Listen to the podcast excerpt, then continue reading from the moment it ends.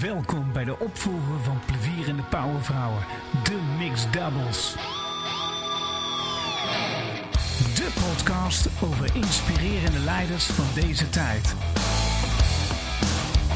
En vandaag zijn dit mijn gasten.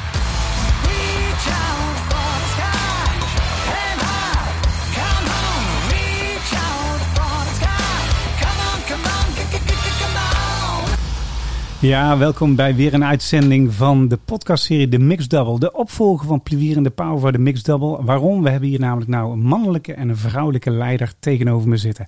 Het doel van de Mixed Double is eigenlijk inspirerende leiders in beeld brengen. Die rol als rolmodel kunnen functioneren voor jou als luisteraar. Zodat je je eigen leiderschap kan ontwikkelen. Want ik vind het belangrijk om meer van die mensen in beeld te brengen. De wereld heeft het nodig. We staan voor grote thema's. En die thema's die hebben sterke, goede, empathische leiders nodig. Vandaar deze podcast. De werkwijze is als volgt. Als je hem nog nooit gehoord hebt. We hebben een aantal werkvormen waar we onze gasten doorheen gaan geleiden. En eh, die werkvormen die zijn zo ingedeeld dat het speels en leuk is. Maar ook geleid tot echt een goed gesprek. Terwijl de deelnemers eh, de werkvormen ondergaan. Kun je als luisteraar kun je enerzijds leren van wat ze vertellen. Maar te- te- tegelijkertijd kun je ook de werkvorm toepassen op jezelf. Door na te denken hoe eh, sta ik er eigenlijk in. hoe reageer ik eigenlijk op zo'n vraag. Of hoe stuur ik eigenlijk mijn mensen aan op een bepaalde manier. En eh, door dat te doen kun je het ook gelijk toepassen in je dagelijkse praktijk. Nou, hij duurt ongeveer 45 minuten. We gaan er veel plezier mee maken. En we hebben vandaag twee hele leuke gasten tegenover me zitten. Die gaan zich zo aan je voorstellen. Eh, eh, dat doen we aan de hand van hun guilty pleasure muziek. Maar heel kort even, wie ben je en waar werk je? Ik ben Hetty van Dommelen en ik werk bij eh PITS, wat staat voor personeel in de zorg. Personeel in de zorg. En eh, dat is hier in Eindhoven, had ik begrepen. Ja, we zitten landelijk. Oh, landelijk. Dus, eh, Eindhoven is de hoofdvestiging en we hebben een aantal franchise-vestigingen en een aantal eigen vestigingen. Ah, mooi, mooi. En, en wat was je rol binnen de organisatie? Eh, ik ben algemeen directeur. Algemeen directeur, mooi. We hebben een eh, hele mooie mannelijke variant daar ook zitten. Stel jezelf eens voor. Hoi, mijn naam is Ralf van Roesel. Ik ben een van de twee eh, directeuren bij eh Touw. En dat is een eh, Europees ingenieurs-, advies- en meetbureau. Dat vooral projecten voorbereidt en begeleidt in de inrichting van de fysieke leefomgeving. Ja, gaaf. En was je rol daar binnen de organisatie? Ik ben een van de twee algemeen directeuren. Een van de algemeen directeuren. Ik had begrepen dat jij een vrouwelijke partner naast je hebt staan. Ja, nee, dus wat zeker leuk. Wij zijn co-CEO Henrike Brandenhorst. Dus wij doen het inderdaad met z'n tweeën. Nou, dat is een hele mooie manier om leiding te geven aan een bedrijf met nou ja, de overeenkomst ook aan normen en waarden. Maar zeker ook eh, de verschillen in persoonlijkheid en stijl. Ah, heel mooi. Je, mag een beetje dichter bij de microfoon zitten, want dan horen we jullie nog beter. Dan krijgen jullie goed binnen, vol qua stem. En dan beginnen we met de eerste werk van, dat is namelijk de Guilty Pleasure Song. Dat gaan jullie voorstellen. En dan begin ik gewoon eens even met, eh, met jou. Eh dat is een nummer van Eminem, Lose Yourself.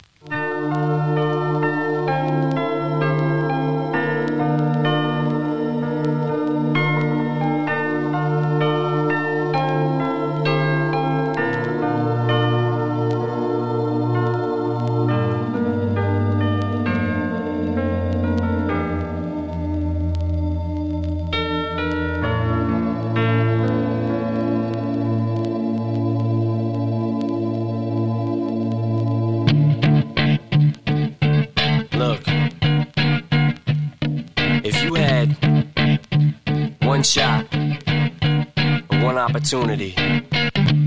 To seize everything you ever wanted, one moment, would you capture it? Or just let it slip? Yo.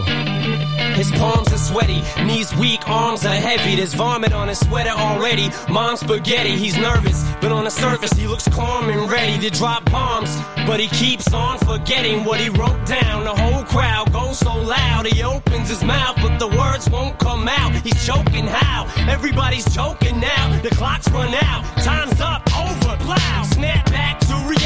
Oh, there goes gravity. Oh, there goes rabbit. He choke. He's so mad, but he won't give up. Daddies, he know he won't have it. He knows. Het is wel eh, badass muziek om eh, mee te beginnen, of niet? Ja, dat is het zeker. Wat heb jij met Eminem en Lose Yourself?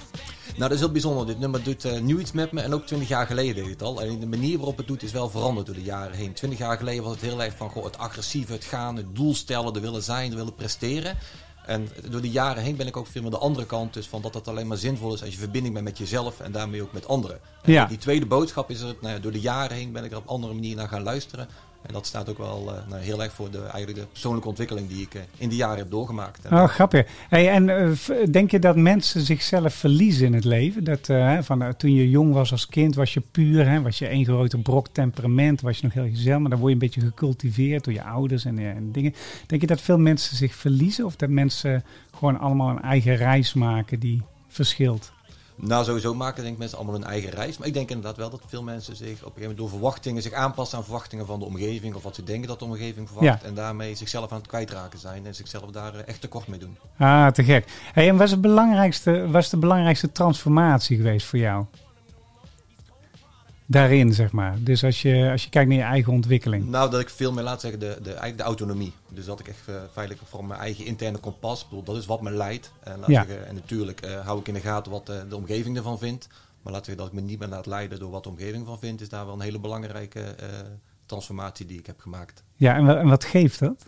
Wat, wat Ja, geeft je? on- ontspannenheid, geluk, rust, relaxedheid. Dat maakt je echt wel een gelukkige mens. Ja, mooi hè? Ja. Ik heb ooit gelezen dat de meeste mensen tussen de 42 en 43 daarop vastlopen, omdat ze het niet hebben gedaan. En dan life fucks up your life. Want eh, het thema van 35 tot 243 is, eh, en nu gaat het gebeuren. Nu moet het gebeuren. De grotere carrière, het grotere huis, de kinderen, alles. Maar de meeste mensen zijn nog niet los van hun opvoeding en van alles wat systemisch is doorgegeven. En dan ergens rond de 243 lopen mensen vast. Daar heb je de grootste mate van burn-out en je hebt de grootste mate identiteitscrisis en echtscheidingen. Zit in die periode. En als het goed is gaan mensen daarna herijken. Dan komen ze automatisch tot dat punt van, oh ja, zo ben ik. Oh, dan moet ik meer gaan doen. Maar dat is grappig. Nou, dat weet, ik wist, dat is een getallen kende ik niet. Maar inderdaad, ik ben nu 46. En laat zeggen, dit, eh, die ontwikkeling die ik beschrijf is wel van de laatste paar jaar. Dus wat dat Ja. betreft Ja, eh, lijkt de theorie wel op mij van toepassing. Ja, mooi hè? Ja, nou, ja, geestig. hey, en nou, we hebben ook een heel mooi nummer voor jou. Die had ik al heel lang niet meer gehoord. Vond ik heel erg leuk. Eh, Nick en Simon, die hebben er een hele serie aan gewijd, had ik begrepen, eh, aan dit Ja. koppel. Simon en Garfunkel, Bridge over Troubled Water. Lang niet gehoord.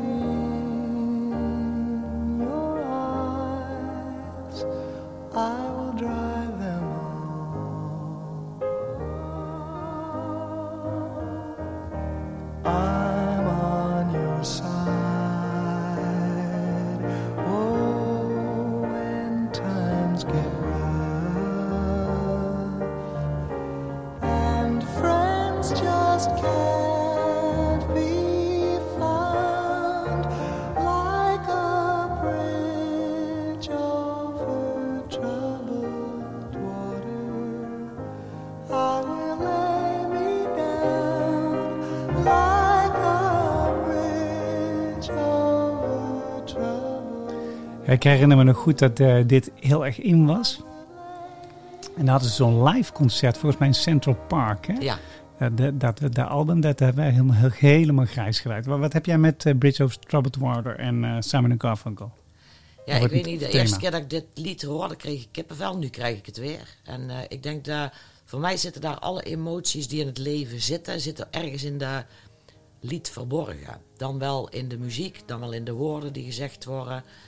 Eh, en het was helemaal niet hip om dat nummer heel leuk te vinden, want eh, eigenlijk was het toen al redelijk ouderwets. Maar ik vind het nog steeds een heel mooi nummer en het staat nog steeds op mijn USB-stick in de auto. En ik geef er niks om, inderdaad, wat iemand anders daarvan vindt. Ik vind het nog steeds een fantastisch nummer. Ja, absoluut. Ja. En er zit hele mooie tekst ook in. Als je echt naar de tekst luistert hè, van eh, ehm, mensen die elkaar steunen, dat het leven soms leuk is en het leven moeilijk is. Dus voor mij zeg, ja, het is een heel veelzeggend nummer. Ja, mooi. Dus, En die, ehm, hoe heet het, ehm, eh, Bridge over Troubled Water. Ja, in de zorg eh, is heel veel troubled water. Hè? ja, zeker. Helaas wel. Ja, ja, want hoe is het in de zorg? eh? Ja, hoe is het in de zorg? Ik, ik ben zelf in de zorg begonnen, ook echt als verpleegkundige, zeg maar, in de gehandicaptenzorg. En wat er over de jaren heen gebeurd is, is dat het, de mensen die in de zorg werken, zeg maar, daar kies je voor met je hart. Dat is toch een vak eh, ja, waar je ehm, in ieder geval het contact met mensen heel belangrijk en prettig moet vinden. En door allerlei professionaliseringsslagen en bureaucratie en noem maar op, is het vak eh, minder leuk geworden, denk ik, voor heel veel mensen. En ehm, nou ja, we hebben natuurlijk in Nederland steeds meer zorg nodig, dus er is ook flink bezuinigd eh, daarin.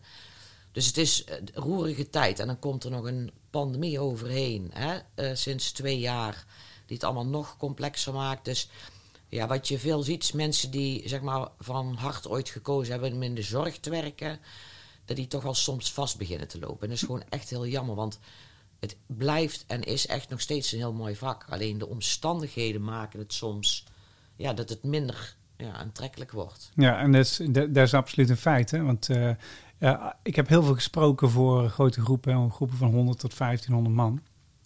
En dan vroeg ik altijd aan het begin eh, vijf vragen. En die waren geënt op de levensvragen van de mensen. Dus Ja. Carl Jung heeft ooit een boek geschreven. Die zei, als je overlijdt, dan denkt de mens over drie dingen na. Dat is, ben je geweest wie je wilde zijn? Ja. Heb je gedaan wat je wilde doen en het verschil gemaakt? En heb je voldoende lief gehad en gehouden van? Dat zijn het drie vragen. Dus dan stelde ik altijd vragen. En die waren gerelateerd. Dan vroeg ik van... eh, ehm, wie weet wat zijn nummer één talent is en draagt het elke dag uit? Nou, en dan staken zo'n op 100 mensen staken zo'n 10 tot 15 mensen hun hand op. Maar in de zorg en in het eh, onderwijs was dat veel hoger. ja, dat geloof ik. En dan vroeg ik van wie staat elke morgen op met zin in zijn werk. En vroeger was het echt heel hoog. Ja. En de laatste jaren zie je dat ook in Juist. de zorg en het onderwijs, dat de, de handen Ja. neerbleven. Ja. Eh, maar als ik dan vroeg van wie gelooft dat die, die gelukkig wordt als je die aan elkaar koppelt, dan gaat overal Ja. 100 handen Ja, omhoog. ja, weet je wel. juist. Dus, ja. dus er is iets te doen. Zeker, zeker. Ja. Laten we eens even kijken naar, eh, naar jullie story. Jouw story. This is the song for the people, a message of hope. Open up your eyes, look to the sky, sun will shine on us. Ja, de Song for the People was dat. Ehm, eh, ging specifiek om mensen een steuntje te geven in de rug. Hey, ik ben even benieuwd eh, naar jullie story. Laten we gewoon gelijk even doorpakken. Vertel eens je verhaal. Waar kom je vandaan? Eh, hoe ben je geworden zoals je nu bent als leider? Eh, nou, ik eh, denk, denk niet dat het een heel spectaculair verhaal is. Ik was een standaard puber die niet naar school wilde. Eh, dus vrij snel bedacht, ik ga de in-serviceopleiding voor de zorg doen. Dat was destijds eh dag of eh, vijf naar school. En dan mocht je vijf weken werken. Ja, Nou, dat was leuk, want dan verdiende je geld en daar kon je leuke dingen mee doen. Uiteindelijk verpleegkundige geworden, maar vrij snel gevraagd om in een leidinggevende functie binnen de zorg. En uiteindelijk binnen een organisatie doorgegroeid. Daar heb ik bijna 30 jaar gezeten. Veel opleidingen daarna wel gedaan, omdat ik die in de dagelijkse praktijk kon gebruiken. En eh, van meewerkend leidinggevende eigenlijk elke keer een stapje doorgegroeid. En een jaar of ehm, bijna vijf geleden bij Pits terechtgekomen. En was een eh, bedrijf waardoor twee eigenaren ehm, opgestart was. En waar eigenlijk in de fase kwam dat het eh, ja, een vorm van leiderschap nodig had. De eigenaren waren meer ondernemers. Dus ik ben daar in de rol terechtgekomen om het bedrijf zeg maar, groter te maken. En van tien mensen die er waren toen ik binnenkwam, zitten we nu op 100 mensen. En dat is in ja, iets minder dan vijf jaar tijd gebeurd. En ik denk dat ehm, nou, vooral zijn wie je bent, eh, dat dat altijd wel mijn kracht is geweest. Eh, niet eh, mezelf anders voordoen. Dit kan ik en dit kan ik niet. En daar heb ik dan mensen voor nodig die dat stukje kunnen. En vooral gewoon blijven en gezond verstand gebruiken. En eh, nuchter zijn. En, ja. en Dat is ook heel luisteren leuk. naar mensen. ja en goed luisteren naar mensen. Ja, ja dat, dat, Dat is hoor- heel belangrijk. Daar hoor ik ook het uit. Nou, Dan gaan we daar even op verdiepen. Dat was heel leuk, want toen, toen ik jou vroeg, toen wij het eerste interviewtje online hadden of eh, via de telefoon, eh, toen zei je ook, is het erg dat ik Brabants praat? Precies, Ik ja. zei, nee, dat maakt helemaal niks Juist, uit. ja, want het draait om de authentieke leider. Ja, En, precies. Nou, dat is dus authentiek. Ik praat Brabants, inderdaad. ja. En in het verleden werd daar wel eens ooit wel van gezegd: moet je dat niet aanpassen? Ik zeg nee. Ik zeg, als dat betekent dat ik iets anders moet gaan doen, dan hoef ik ook die functies niet. Ja, Klaar. ja, helemaal goed. Hey, en ik hoorde jou zeggen luisteren. En ook, eh, ja, ik hoor je zeggen authentiek zijn, Ja. luisteren, bij, je- dicht bij jezelf blijven. Hoe, hoe, ehm, dat is heel belangrijk voor elke mens. Hè? Ja. Eh, hoe, hoe zorg je ervoor dat andere mensen dat ook kunnen binnen jouw vakgebied? Ja, nou eigenlijk vooral door eh, iedereen te laten doen waar die goed in is. En gewoon ook te vragen waar die goed in is. En ik zeg altijd, als je... Mensen hebben kwaliteit en mensen hebben dingen waar ze niet goed in zijn. En het kost enorm veel moeite om van een 4 naar een 6 te komen. Ja, En het kost bijna geen moeite om van een 8 naar een 10 te gaan. ja, Dus ben jij maar vooral bezig met de dingen waar jij van je 8 naar je 10 kunt gaan. En iemand anders doet de dingen wel waar jij een 4 op zit. ja, Dus vooral het gebruiken echt van kwaliteiten en niet willen per se willen dat alles op een bepaald niveau is. ja, ja, precies. En dat, dat is in deze maatschappij proberen we alles perfect te maken. Hè? En daar moeten we mee ophouden. Daar moeten we mee ophouden. Ja, je moet mensen, er zijn echt, de mensen hebben talenten en die zijn perfect in sommige dingen. Laat ze dat alsjeblieft doen. En die andere, daar zijn weer andere mensen voor. Ja, maar ik vind het mooi. Wat, wat vind jij ervan, eh, Ralf? Nou, ik vind het fascinerend. Ik ken het natuurlijk helemaal niet. Nou, los van het feit dat ik ook een zachte G heb. Maar laat ik ook, ik Ja. krijg wel terug van, goh, wat you see is what you get. Dus dat vind ik heel mooi. En ik ben ook iemand die vooral de talenten ziet en daar graag eh, eh, mensen op laat doorgaan.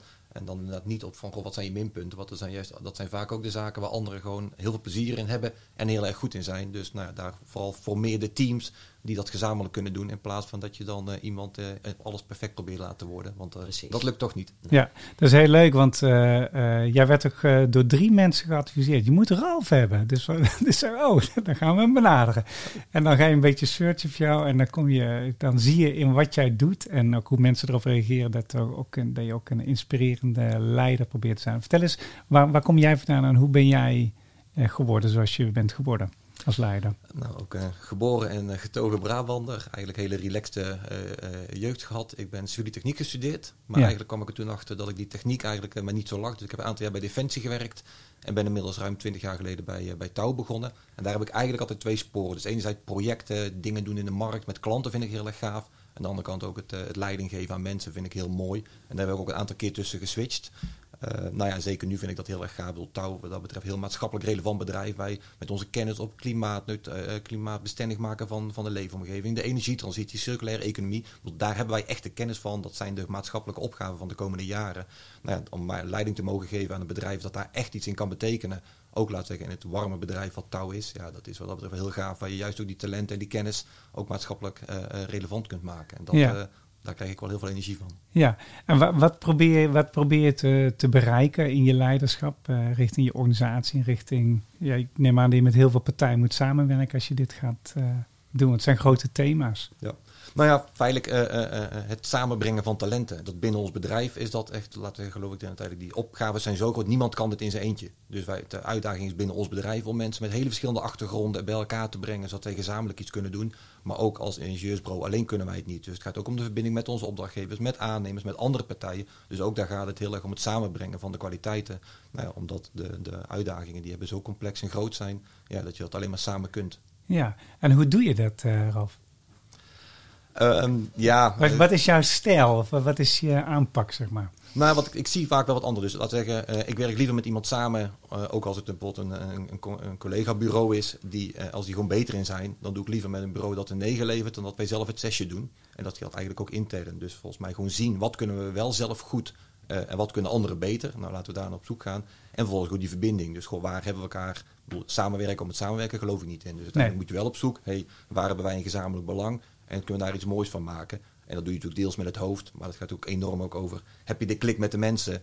Eh, ja, en die is er wel of die is er niet. En dat moet je soms een keer proberen. En soms moet je ook uitspreken. Op papier zou dit moeten werken, maar het werkt tussen ons niet of tussen onze bedrijven niet. Nou ja, eh, neem dan eh, in liefde afscheid weer van elkaar en probeer het met iemand anders. Ja, ja, precies. En je komt vanuit Defensie, dus Defensie is best wel structureel organisatie, hè? tenminste was. Ik weet niet of het tegenwoordig nog zo is. Eh, wat is er nog over van Defensie eigenlijk? Ik, ik hoorde eh, twee weken geleden op de radio dat ze in, trucks van 25 jaar uitrijden. dus, maar, maar, maar je komt van Defensie af. En eh, wat, neem je uit Defensie mee richting touw in je leiderschap? Is er nog iets waar je zegt van dat was handig, dat, dat werkt?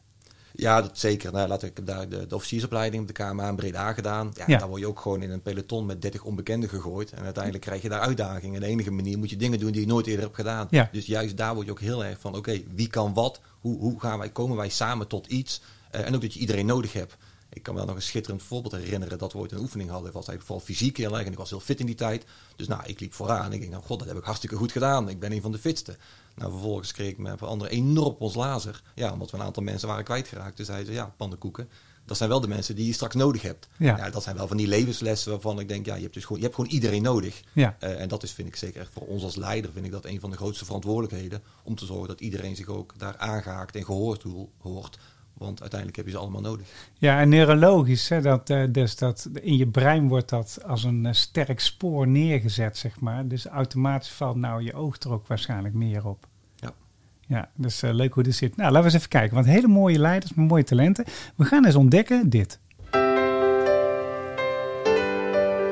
De overeenkomstenrace.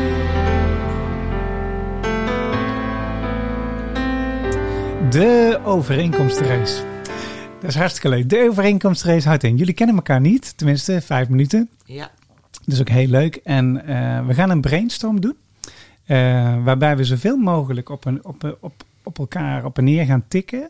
eh, in woorden. Je roept gewoon een woord. Ik denk dat wij allebei dit hebben. Jullie kennen elkaar niet. Dus je moet een beetje intuïtief, gevoelsmatig moet je voelen van wat denk ik dat wij allebei hebben. Ehm, dat bounced op en neer. En dan komen we tot een compleet, compleet praatje, plaatje. En, en een praatje, dat ook. En eh, aan het einde doe ik daarvan een conclusie. Dat is de deal. Ik begin gewoon eh, bij jullie. Eh, nou, ik, kan wel allebei. Ik, ik zal er eentje voor jullie voor. Jullie hebben allebei de vlam. Jullie hebben allebei de bevlogenheid. Dat voel ik. Ja, dat geloof ik. Nou ja, ik kende dat Hetty niet, maar dat hoor ik ook als je meteen de bevlogenheid, hoe ze over haar sector praat. Ik vind het ook heel mooi dat je een compleet andere wereld waarin zij werkzaam is. En dat we dat toch ook weer zoveel parallellen daarin hebben. ja. Eh, en die oprechte in- intentie om het beter te maken met anderen. En ook oog voor het grotere plaatje. En daar ook niet voor weglopen. En dat het Ja. ook lang niet allemaal is. Ik vind die, en dat ook gewoon zo open uitspreken. Het komt recht uit je hart. En Ja, dat ja, eh, vind ik wel heel gaaf. Ja. Nou, ik denk ook authentiek zijn. Want ik hoor jouw verhaal en ik denk van nou, er zit ook eh, eh, dicht bij jezelf blijven. Los dat je zegt dat het een ontwikkeling is over de jaren heen.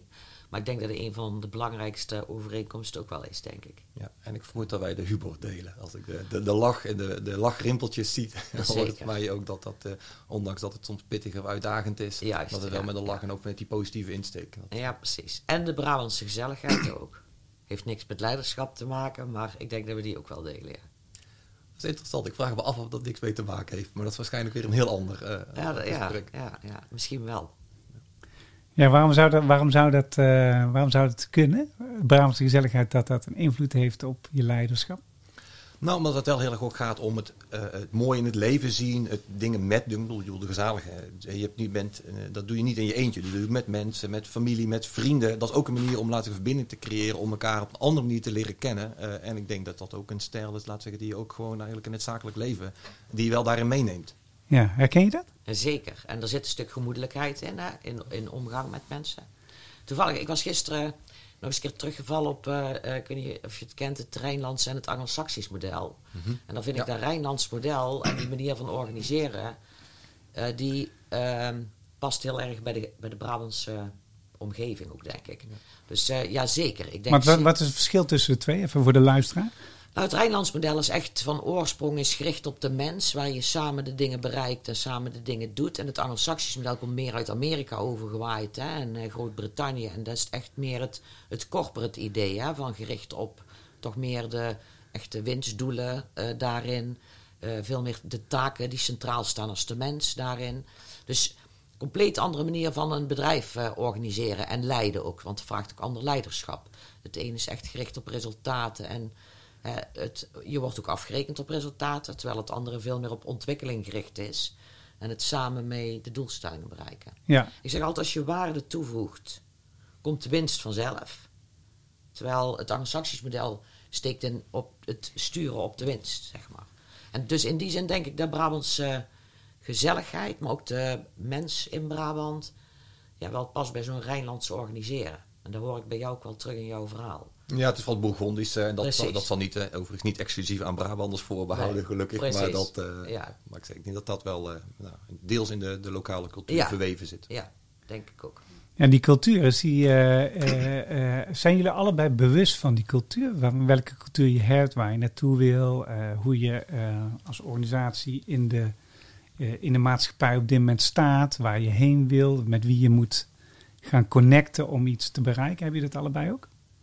Ja, ja, we hebben dat ook wel echt als persoon, maar ook als bedrijf wel scherp van gewoon, wat is nou je missie en visie, wat zijn je waarden en, en dat moet ook echt passen. Ik bedoel, ook die tot, toen wij dat, die waarden hebben vastgesteld binnen touw, bedoel, daar hebben we ook echt het hele bedrijf, dus alle Ja, 1300 dat vind ik mensen, leuk, ja. alle 1300 mensen hebben daar ook echt input in geleverd. Uiteindelijk zijn daar ook echt, nou, wat wij dan participatief noemen, is dat ook gewoon met elkaar zijn we daartoe gekomen. En iedereen binnen en buiten touw, als die waarde zegt ook, hey, dit past bij dit bedrijf. Ja, en dat, daarmee is het gewoon een heel mooi, eh, ook kompas inderdaad, voor je als persoon, maar ook voor, jezelf, voor je bedrijf. Dat heb ik al mooi gezegd. Heel mooi. Nou, heel herkenbaar. Wij hebben ze ook samen gemaakt met de medewerkers. En toevallig dat ik het er gisteren nog over had. Eh, ik denk dat eh 80% van de medewerkers, als je vraagt waar zijn de kernwaarden, dat ze ze ook kennen, maar ook uit kunnen leggen. Want ze hebben ze zelf mee eh, vormgegeven en gedrag eraan verbonden. En als je bij ons de trappen oploopt in het gebouw, staan de kernwaarden op de traptreden. Met uitleg erbij. En dat is inderdaad, eh, je kunt mooie kernwaarden hebben. Maar als het personeel ze niet meegemaakt heeft of de medewerkers niet, dan gaat het niet leven. Helemaal eens. Dus weer een overeenkomst. Ja, heel mooi. Dus je, je hoort jullie zeggen, nou, wat jullie doen is eh waardegedreven koersen, vanuit bevlogenheid eh, allebei werken. Eh, dat probeer je ook bij andere mensen op te, te doen. Oprechte intentie, oog voor, even kijken, oog voor ook een, het grote plaatje.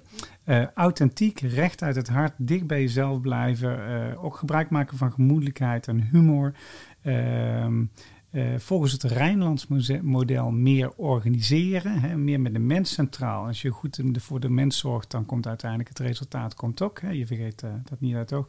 Je speelt daarbij het spel, je participeert, je bouwt groepen en communities, laat ze mee participeren en je overtuigt hen van welke richting ze op moeten. Dat is heel leuk, want ze hebben een onderzoek gedaan naar ehm, de beste eigenschappen van leiderschap op Harvard. Eh, die lijken overigens heel veel op eh, dit wat eh, een eerdere deelnemer had meegenomen. De tien eh, kenmerken van de servant leader. En die zei van een goede leider die luistert, staat open voor wat er gezegd wordt, is empathisch. Dus eh, is zich bewust van de unieke persoonlijkheid van elke mens. Eh, bouwt relaties en heelt eh, verbindingen met elkaar, dat, zodat er harmonie gaat ontstaan. Eh, werkt mee aan- de groei van mensen. eh, heeft zelf- en omgevingsbewustzijn, stimuleert om mee te werken aan een gemeenschappelijke koers, ziet het grote geheel, kan ook op lange termijn consequenties overzien en meenemen en heeft rentmeesterschap, duurzaamheid naar de toekomst. Lijkt verdacht veel op wat jullie vertellen. Dus eigenlijk is de conclusie, ik heb hele inspirerende leiders hier tegenover me zitten. Servant leaders zitten hier tegenover me, als het goed is. Vind je ervan? Nou, eh, eh, de dingen die genoemd worden, denk ik eh, heel herkenbaar. En ik denk ook dat er goed leiderschap vertegenwoordigt, inderdaad. Ja, mooi. En jij? Nou ja, ik ben zelf nooit zo van die lijstjes ook. En er staan ook een aantal elementen die ik, waar ik gewoon zelf minder goed in ben. En, dus Ja. ik, dat, en dat vind ik dan ook wel belangrijk. En dat, eh, waar het om gaat, is dat ik dat weet. En dat het de uitdaging is om me te omringen met mensen die me daarop kunnen eh, spiegelen of eh, eh, me daarin helpen. Ja, en wat heel leuk is, is de, de, in servant leadership, karaktereigenschappen zijn zelfbewustzijn en bescheidenheid en ook kwetsbaarheid. En een leider die durft toe te geven, ja, hier ben ik niet zo goed in, het maakt per definitie al een betere leider. Hey, en welke dingen uit die lijstje ben je heel goed in en welke dingen ehm, eh, zeg je, nou, daar, daar heb ik wat hulp of wat aanvulling of wat attentie nodig van iemand? Nou, de laatste empathisch. Ik, zou mezelf niet heel empathisch. Ik ben sympathiek en ik heb echt oog voor mensen. Maar ik ben gewoon, weet van nature dat ik empathisch niet mijn allersterkst ontwikkelde eigenschap is. Ja, Eh, dat andere, ik heb ze niet allemaal onthouden, maar dat ik het grotere plaatje zien. Dus ook bewust zijn van wat gebeurt hier nu, wat is er nodig en wat is mijn, wat heb ik daarin te doen. Ja, dat is wel gewoon iets wat mij heel veel heel koers geeft en waar ik ook heel makkelijk mensen in, in, in mee kan nemen. Omdat ik dat ook de verantwoordelijkheid vind van ons als leider. Bedoel, het gaat om richting, energie en vertrouwen geven. Ja. Bedoel, zo krijg je dingen in beweging. Ja, en bij leiders heb je empathie op vier niveaus. Dus je hebt eh, narcisten, die zijn niet empathisch, die, die stellen zichzelf eh, centraal. Eh, daar heb je er best wel veel van als je naar de grote landen kijkt. Eh, daar hebben de afgelopen tijd wel een paar gezien. Dat ik denk van, jongen, jongen, jongen zeg. Maar goed, daarom zitten ze ook op die positie. Dan heb je eh, mensen voelen zichzelf. De empathie naar zichzelf kunnen ze voelen. In meer of mindere mate. Dan heb je dat iemand ziet dat een ander ook zorg nodig heeft. En dan heb je het hoogste niveau, dat is wederkerige empathie. Dat je voelt wat de ander nodig heeft. Dat je een stapje opzij durft te doen en de ander ook een plek durft te geven. En doordat je de ander helpt en ontwikkelt, ontwikkel je jezelf ook. En ook eh, krijg je zelf ook ontwikkeling in je gevoel. En nou, dan ontstaat er iets heel moois. Dat is het hoogste niveau. Maar zo gezegd, natuurlijke voorkeuren van mensen bepalen een beetje hoe ze daarin zitten. Ik ben bijvoorbeeld wel empathisch, maar niet, ik zou bijvoorbeeld niet in de zorg kunnen werken. Dat zou bij mij zo hard binnenkomen dat daar zou ik elke dag last van hebben. Eh, Ja. Weet je wel? Dus, eh, maar daar is even om aan te geven. Dat we, en hoe is het bij jou? Bij, wat, wat zijn in deze eigenschappen ja, echt jouw sterke punten? En waar, waar vind je, nou, daar kan ik nog een stukje ontwikkelen? Ja, ik denk dat ik soms te veel op de mens gericht ben. En daardoor ehm, mijn eigen moet eh, focussen op de lange termijn. Dus ik heb Ja. vooral mensen om me heen verzameld die daar dan zeg maar dat stukje vooral aanvullen. Ja, Dus bij mij is juist de valkuil dat ik te empathisch ben en te veel op de mens gericht ben. Dat is natuurlijk mijn zorgachtergrond ook voor een stuk. Eh, dus ik moet vooral ja, focussen meer op die eh, lange termijn soms. leuk. Ja, heel goed. En zo kan iedereen ontwikkelen. Hè? Dat is leuk. Ja, je zou ook een goede match dan zijn. Hè? Ja, dan eh, zit je gelijk een lerende factor bij elkaar. Wat toevallig dat jullie dan bij elkaar zitten. Ja. Oh, wacht, dat is geen toeval. Is geen toeval. We gaan naar de volgende werkvorm. Het vrije interview over leiderschap, inspiratie, samenwerking, vitaliteit en succes.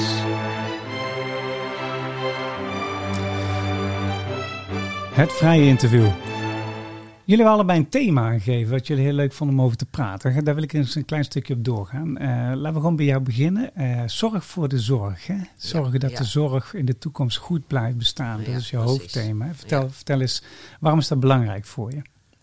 Nou, kijk, dus niet alleen voor mij belangrijk, maar ook zeker voor eh, gewoon heel Nederland. En het speelt natuurlijk in meer landen in Europa. Hè, dat de vergrijzing eh, zorgt dat we meer zorg nodig hebben.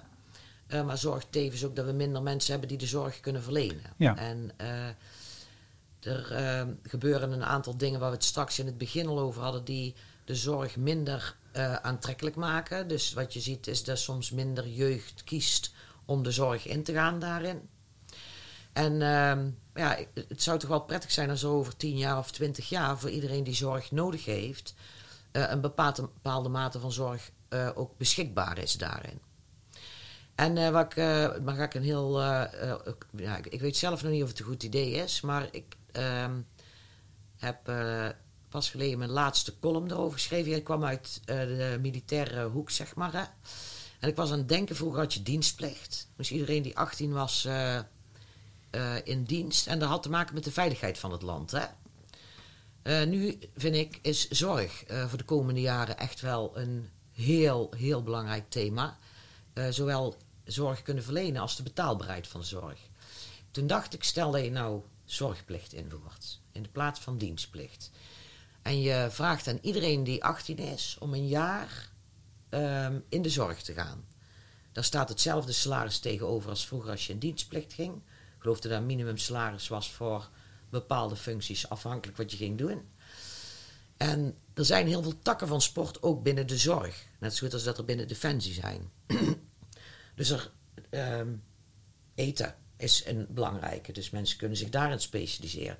Dus als je niet direct met cliënten zou kunnen werken, of patiënten, dan zijn er andere dingen. Zorg, innovaties bedenken.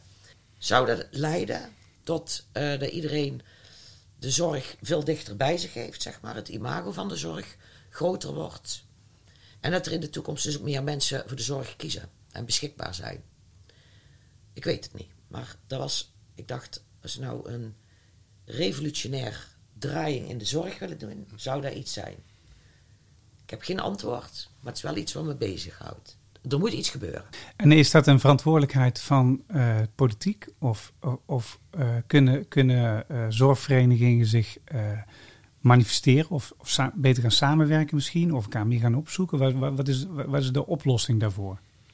Nou, ik denk zeker dat de politiek er ook iets mee moet. Ehm, Maar ook, kijk, we, we hebben ook nogal wel wat schotten staan in Nederland. Hè? Dus, maar ook daar zijn wel hele goede initiatieven in om ja, ketenzorg veel meer te ontwikkelen. Dus ik denk dat eerlijk gezegd de verantwoordelijkheid is van iedereen. Zowel van ons drieën hier aan tafel, eh, als van de buurman en de buurvrouw, eh, als de politiek.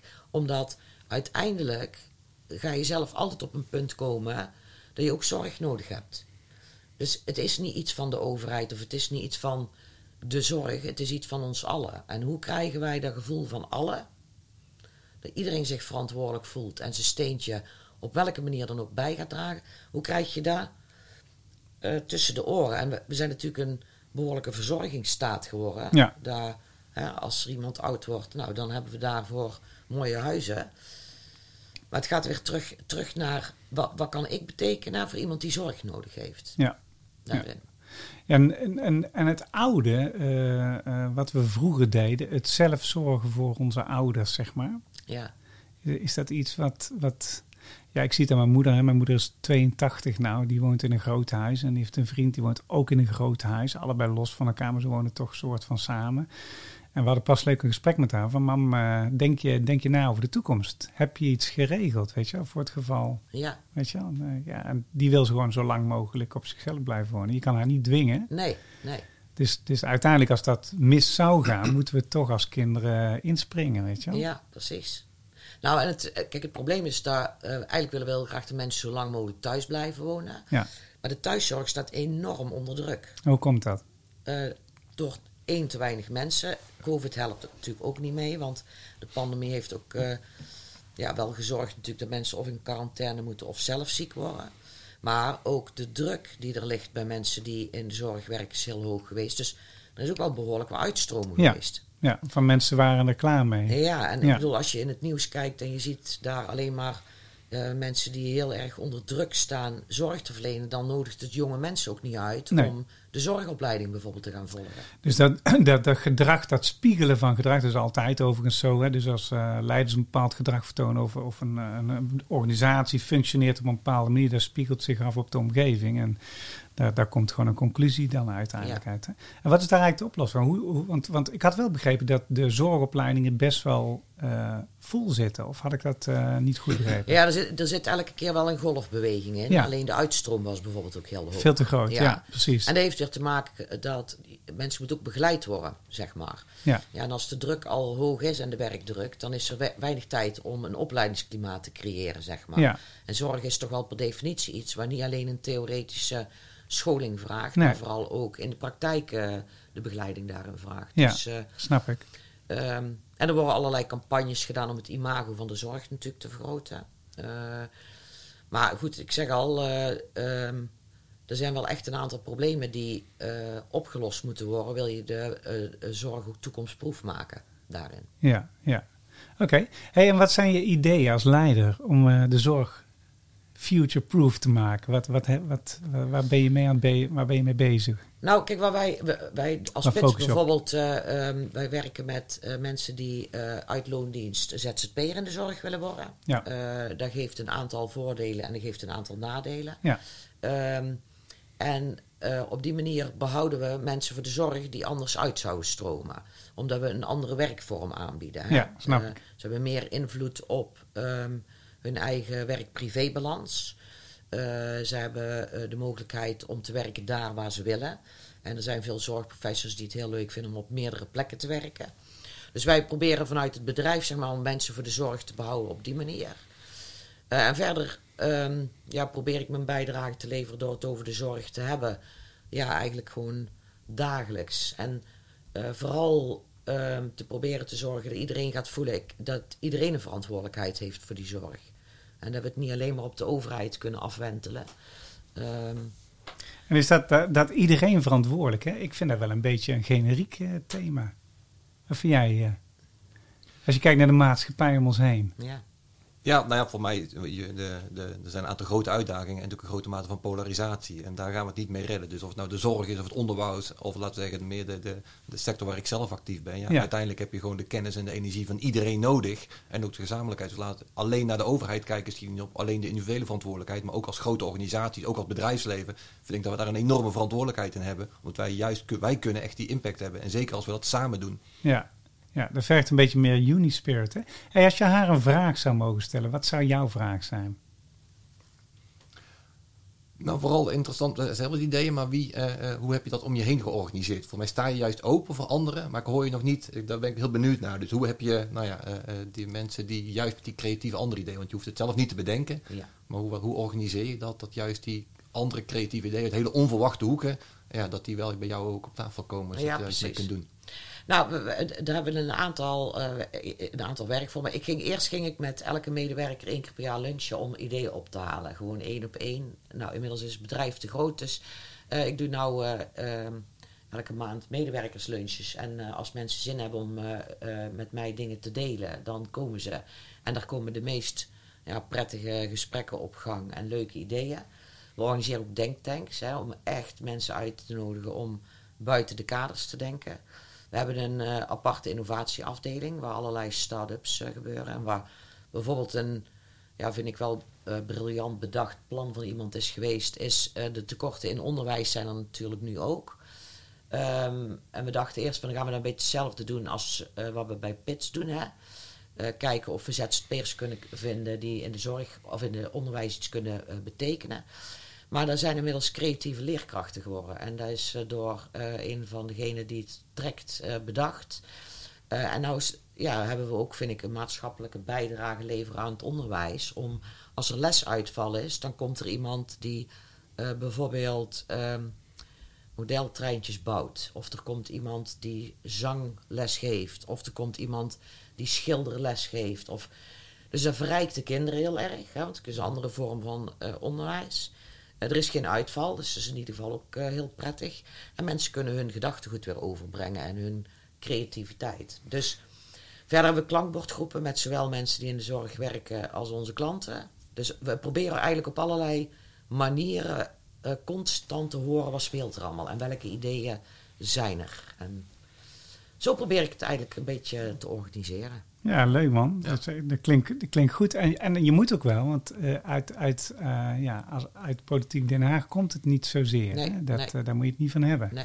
Dus het moet toch een beetje, ja. Precies. En er zijn echt heel veel inspirerende jongeren die echt op een andere manier naar de zorg kunnen kijken en ook echt leuke vernieuwingen in kunnen voeren. Hè? Ja. Daarin. Ja, ja, superleuk. hey, wa- wat is jouw story? Ja, maar ik vind het leuk om te horen. Kijk, de uitdagingen in de zorg zijn heel anders dan laat ik in de bouw- en infrasector waar Ja. ik zelf vandaan kom. Maar ik geloof wel dat de oplossing in de basis wel hetzelfde is. Bedoel, Ja. Het kan niet meer zijn. Het is zo groot, het is zo complex. Ja. Dat nou ja, eh, oude grijze eh, directeuren zoals ik, dat die bepalen wat nou de richting voor de toekomst is. Dus ik geloof daar heel erg in het betrekken. Wij noemen dat een participatief leiderschap. Maar feitelijk dus echt rondom bepaalde thema's. Echt mensen met kennis en energie. En dan maakt het niet uit of het de schoolverlater is van, eh, van 21. Of het is de senior consultant van, eh, van 65. Dat je, je hebt dat allemaal nodig. En Ja. juist om het bij elkaar brengen van, van die mensen. Die diversiteit. En diversiteit in de volle breedte. eh, leeftijd, geslacht, achtergronden. Het creëren van een veilige omgeving. Dus meer de inclusiekant. Waarin mensen zich ook echt durven uitspreken. Nou, en de participatieve kant is ook, laten we zeggen, mensen grote mate van invloed geven. Laten we zeggen, in de koers van het bedrijf. Of in het oplossen van bepaalde zaken. En Ja. dat heb je op heel veel verschillende manieren. Dan vind ik het mooi om, hoe jij dat organiseert. En daar zijn natuurlijk duizenden vormen in. Ja. Maar uiteindelijk gaat het om dat je verschillende perspectieven in een veilige omgeving aan tafel brengt. Gericht op een bepaalde opgave. En er zijn ook telkens verschillende. Bijvoorbeeld de digitalisering van ons bedrijf ja, is weer een hele andere opgave. Dan bijvoorbeeld van het vergroten van de diversiteit. Dus daar ben je als leider volgens mij juist verantwoordelijk voor om die omstandigheden te creëren. Dat mensen daar kunnen bijdragen waar ze ook echt wat te brengen hebben. Ja, dus, je zorgt dat mensen kunnen, kunnen meeparticiperen en dat je de kennis en de energie eigenlijk activeert bij anderen.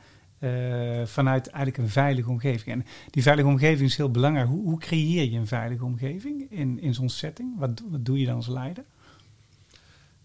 nou ja, vooral openstaan voor. Dus ik denk eh, het luisteren, je eigen eh, mening heel lang uitstellen. Dus echt openstaan voor, voor de andere soorten meningen, invalshoeken. Eh, nou ja, en ook gewoon het alles mag er zijn. Dus niet veroordelen, ook openstaan voor kritiek. Eh, Dus vooral ook die zachte kant is daar wel belangrijk. Want als mensen een geweldig idee hebben, maar ze durven zich niet uit te spreken, ja, dan doe je jezelf en je organisatie enorm tekort. Ja, ja, dat snap ik. Hey, hoe, is, hoe is jouw visie op de toekomst? Want jullie, jullie hebben echt eh, ook, ja, ook grote thema's. CO2, eh, duur, verduurzaming. eh, ik hoor je ook inclusiviteit, hoor ik je benoemen. Ja, er zijn zoveel invalshoeken waar je mee bezig bent. Ook, eh, eh, ik vind het wel heel leuk, want eh, telkens als ik een foto van hem zie, dan, dan heeft het met vrouwelijk leiderschap of het ontbreken ervan te maken. Weet je? Dus, dat is heel geestig. En dan eh, ook met, een- met een beetje humor erin. Hè? Eh, maar hoe is jouw kijk op de, de toekomst? Want er staan gewoon grote thema's. eh. Daarom, eh, of het nou circulaire economie is of klimaatbestendigheid of energietransitie, zijn de grote uitdagingen waar wij als bedrijf, maar laten we zeggen ook echt, daar moeten we gewoon als maatschappij wat in. Ja. Eh, nou, en, nou, dan val ik een beetje in herhaling, maar ik zeg, daar heb je dus gewoon, daar moet je ook fundamenteel anders doen. Dus nou, net als Henty zegt, als we doen zoals we de afgelopen 30 jaar hebben gedaan, gaan we dat gewoon niet redden. Dus Ja. dan moet echt wezenlijk dingen anders doen. En dat gaat dus niet alleen op inhoud en techniek. En natuurlijk, innovaties zijn daar ook een heel belangrijk onderdeel van. Daar investeren wij ook veel in. Daar gebeurt ook heel veel in. Maar uiteindelijk in de manier waarop je met elkaar omgaat, met opdrachtgevers, met, met partners, ook met verdienmodellen. Ja, dat, zullen, dus dat soort zaken zullen echt fundamenteel moeten veranderen. Eh, en dat kan ik dus niet zelf bedenken. Dus dat gaat juist om hoe creëer ruimte, dat daar hele gave ideeën en een omgeving waarin we dus het op een fundamenteel andere manier gaan doen. Ja, leuk. Leuk. Ik vind het heel leuk. We gaan, we gaan door naar de volgende wer- werkvorm. 1, 2, 3, even kijken.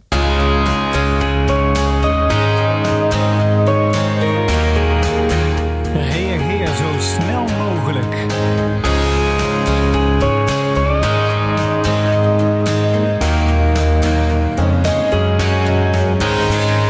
Reageer zo snel mogelijk. Gaat als volgt. Ik geef gewoon een woord. En eh, je moet zo snel mogelijk invulling geven aan het woord wat ik je geef. Inclusiviteit. Ik pas. Ik pas. Zorg. Eh, heel mooi en complex. Heel mooi en complex. Oké. eh, mee participeren. Ja, cruciaal. Zonder dat eh, gaan we er gewoon niet komen en gaat er niks veranderen. En dat eh, kunnen we ons niet veroorloven. Nee. Oké. Heel goed. Hoe doe je het? Mee participeren. Hoe doe je het? Ja, eh, eh, verbinding maken, openstaan, luisteren eh, eh, eh, en mensen laten brengen wat zij te brengen hebben met hun talenten. Oké, goed zo. Eh, talentontwikkeling. Heel mooi als je mensen ziet groeien. Heel mooi. Mooi. Talentgericht leiderschap. Ehm, ja, eigenlijk een vereiste eh, voor de hedendaagse leider. Uiteindelijk, de, en die talenten zijn zo divers, maar uiteindelijk het focussen op eh, waar mensen echt in kracht zitten, dat eh, is wat we nodig hebben. Oké. Een zorgsysteem. Een nieuw bedenken. Nieuw bedenken. Waarom? Omdat het oude systeem denk ik niet eh, toekomstproof is. Oké. Goeie. Open cultuur. Enorm lastig, maar wel noodzakelijk. Ja. En je bent nooit klaar. Nou, ook, eh, de recente nieuws heeft dat natuurlijk ook heel laten zien. Je kunt het systeem hebben, de loketten, maar het is echt iets waar het gewoon heel kwetsbaar is en waar je constant aan zou moeten werken. En je constant de vraag moet stellen, goh, eh, eh, wat kan daar nog meer in gebeuren? En dat ook bespreekbaar houden in alle lagen van de organisatie. Is, is de continu dialoog eigenlijk het beste middel daarvoor? Ja, volgens mij wel. Ja, je kan systemen allerlei dingen bedenken. Die heb je ook nodig. Maar je ook uiteindelijk nodig? De, de cultuur, de speak-out, dat mensen dat... En dat kom je op één manier achter door het echt met elkaar te agenderen en het over te hebben. Ja, ja. Bevlogenheid. Eh, noodzakelijk voor een leider, denk ik. Ja, Bevlogenheid moet je hebben om eh, mensen mee te kunnen nemen. En Ja. eh, te kunnen overtuigen en te enthousiasmeren. hoe doe je het als leider? Om- Hoe blijf, blijf je bevlogen als leider? Door de mooie dingen te blijven zien van hetgeen waar je mee bezig bent en de mensen om je heen. En ik denk dat vooral de laatste eh, is in ieder geval voor mij altijd de inspiratie geweest om bevlogen te kunnen blijven. Ah, Als nieuwe mensen binnenkomen, dan ben ik altijd wel blij. Die brengen weer nieuwe dingen mee, weer andere dingen mee. En die eh, voegen weer waarde toe. ja. Toegevoegde waarde. Leveren. Ja, moet je naar op zoek gaan. Dat is zeker voor ook een commercieel bedrijf. wil Uiteindelijk, dat is eh, eh, eh, natuurlijk, wij moeten gewoon een normale marge kunnen draaien. We hoeven niet eh, de belachelijke marges die ook in andere sectoren worden. Maar eh, het financieel gezond zijn. En daarvoor moet je wel wat leveren waar je als maatschappij ook behoefte aan hebt. Oké, mooi. Ehm, data gericht leiding geven. Eh, wordt eh, zwaar overschat. Wordt vaak overschat. Oh, gaaf. Waarom? Nou, eh, eh, wij zitten echt in zo'n overgangsfase waarin eh, we steeds meer data krijgen. En eh 9 van de 10 keer kan ik zonder data ook wel bedenken, net als met de mensen om mij heen, wat er moet gebeuren. Dus in die zin is het zwaar overschat. Maar ik weet ook dat het heel veel waarde heeft hoor. Maar Ja. laat je eigen vooral niet alleen door data leiden, maar pak ook alsjeblieft altijd die intuïtie erbij en het gezonde verstand. En wat je voelt in de omgeving en hoort. Mooi. Hij zit te lachen. Ja, Ja, nee, Ja, precies. jij mag aanvullen. Je mag aanvullen, want je zit te lachen. Ja, nou, er nee, de eerste keer, dat is voor de eerste keer dat ik het echt, echt oneens met, eh, met Hetty ben. Oh, Ja. Omdat ik vind dat we dan nog veel te weinig doen met die data. Ik ben wel met eens, ja, je moet ook blijven nadenken en die gevoelskant. Maar met data eh, op alle fronten eh, valt nog zoveel te winnen. En er wordt nog zo onderschat dat we daar echt nog eh, in alle soorten organisaties nog heel veel te doen hebben. En dat ook belangrijker moeten maken. Ja, ja, ja. En, en die, ik heb ooit eh, van eh, Joost Vromberg een eh, clinic gehad over data, wat je er allemaal mee kan. Je kan er gigantisch veel Ja. mee, maar het moeilijk is, is dat het niet eh, sa- eh, het samen in één pakketje zit. En je gelijk ziet, oh ja, dit is de data. Oké, dan gaan we, daar staan we nu voor deze keuzes. Dan gaan we het zo gebruiken, weet je wel. Dat Nee, je moet er wel informatie en kennis van maken. Ik bedoel, alleen Ja. data heb je niks. Maar daar- Ja. ik vind dat we daar veel te weinig doen. En dus nog wel heel veel op de onderbuik en intuïtie die heel krachtig is. Maar soms ook gewoon eh, eh, de verkeerde kant op wijst. Ja, goed zo. Eh, als we het daar toch over hebben, intuïtie. Ja, cruciaal. Maar wel ook in verbinding met het hoofd. Wel in verbinding met het hoofd. En jij, intuïtie? Eh, voor mij de belangrijkste eh, motor altijd. Eh, en inderdaad, soms moet ik er iets meer aan mijn hoofd bij pakken. Maar intuïtie heeft me ver gebracht. Dat is ook zo. Oké, laatste oefening. That's alright. I'm gonna take you higher. That's alright. I'm gonna take you higher. De tip van de dag.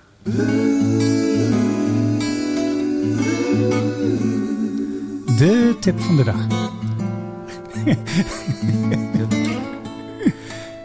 Als je de luisteraar als conclusie je belangrijkste tip zou mogen geven, wat zou die zijn? Wie wil er beginnen? Wel beginnen. Ja. Eh, zorg voor elkaar. Zorg voor elkaar. Hele goede tip. Ja. En wat betekent dat? eh, hoe doe je dat concreet vanuit jouw visie? Ja, dat is meerdere voor dingen, meerdere in eh, natuurlijk vertaalbaar. Zorg voor elkaar is heb oog voor de ander. En eventueel geef zorg als diegene dat nodig heeft. En dat kan heel concreet zorg zijn in de zin van doe een boodschap voor je oude buurvrouw. Eh, tot eh, eh, ga een gesprek aan of drink een kopje koffie of nodig eens een keer iemand uit. Of, maar voel de verbondenheid. Voel de verbondenheid. Ik vind hem heel mooi. Dankjewel. Ralf. Ja, denk vooral doe dingen waar je blij van wordt en die voor jou goed voelen. Dus uiteindelijk echt oprecht op zoek gaan voelen naar wat zit nou mijn interne kompas. Voelt dit goed? Sta ik hierachter? Kan ik dit met droge ogen? En ga, geef me dat dan die energie en die bevlogenheid. Dat je de rust creëert om jezelf die vraag te stellen. Want dan ben je er ook voor de omgeving. Hey, dat inter- inter- interne kompas, hoe vind je dat? Nou, nou, ik, ik moet, bij mij, ik weet niet hoe dat bij anderen werkt, Ja. ik moet daar gewoon wel omstand. Dus ik wandel bijvoorbeeld als ik wandel, maar oprecht van hoe voelt dit? Dus echt even eh, Ja. stilstaan bij mezelf. Wat gebeurt er in mijn lichaam? Wat Ja. vind ik hier nou echt van? Ja. En kan ik nou, eh, eh, eh, even los van wat het hoofd zegt, maar sta ik hierachter? Klopt dit bij mijn normen en waarden? En daar moet ik wel de omstandigheden voor creëren. En dan is het ook een heel krachtig, ik bedoel, daar heb ik ook geen twijfel meer. Dan is dat de weg die we opgaan. Eh, en dat geeft dan vervolgens een hele mate van ontspannenheid, maar ook een heleboel energie. Ja, dus eh, varen op een intern kompas en goed in verbinding staan met jezelf is super belangrijk. Je moet ook oog hebben voor de ander en zorgen voor je omgeving. Zorgen dat er continu dialoog er blijft en dat je mensen inspireert. Contact zoeken met jongeren om eh, tot nieuwe ideeën te komen. Dat er mee geparticipeerd wordt. Dus aandacht voor soft skills, super belangrijk. Aandacht voor het goede gesprek voeren en mensen creatief stimuleren om het beste uit hunzelf te halen in de omgeving. Dat leidt tot een future-proof omgeving eh, waar, waarin we de grote thema's samen kunnen aanpakken. Dat samen, dat is wel toch wel de kern van het gesprek. Hè? Samen. Ja, Ja, laten we het daarmee doen. Hoe heb je het gehad in de podcast? leuk. Vond je het leuk? Goed zo. Oké, Inspirerend. Ja. hartstikke goed. En jij? Ja, nee, leuk om te doen. En ook gaaf voor iemand uit een compleet andere sector die ik niet ken. Dat je daar toch inderdaad zo makkelijk weer de verbindingen legt met Ja. dezelfde uitdagingen. Dus eh, Ja, kijk, en, en dat is het mooie aan deze podcast. Hè. We, we stimuleren verbindingen. Dat doen we het liefste. Dat vind ik het mooiste wat er is. Oké, we zijn aan het einde van de podcast. Eh, be ready voor de volgende. Weer hele mooie eh, leiders. Dan, dan zal Veronique en Onno Dwars... eh, die zal aan tafel zitten van eh, Ballas Nedam. En Veronique is van... eh, eh, ehm, Executive Search, eh, een eh, searchbureau op leadership. Hartstikke leuke gasten. Dus stay tuned en dan sluiten we af als vanouds met de Song for the People.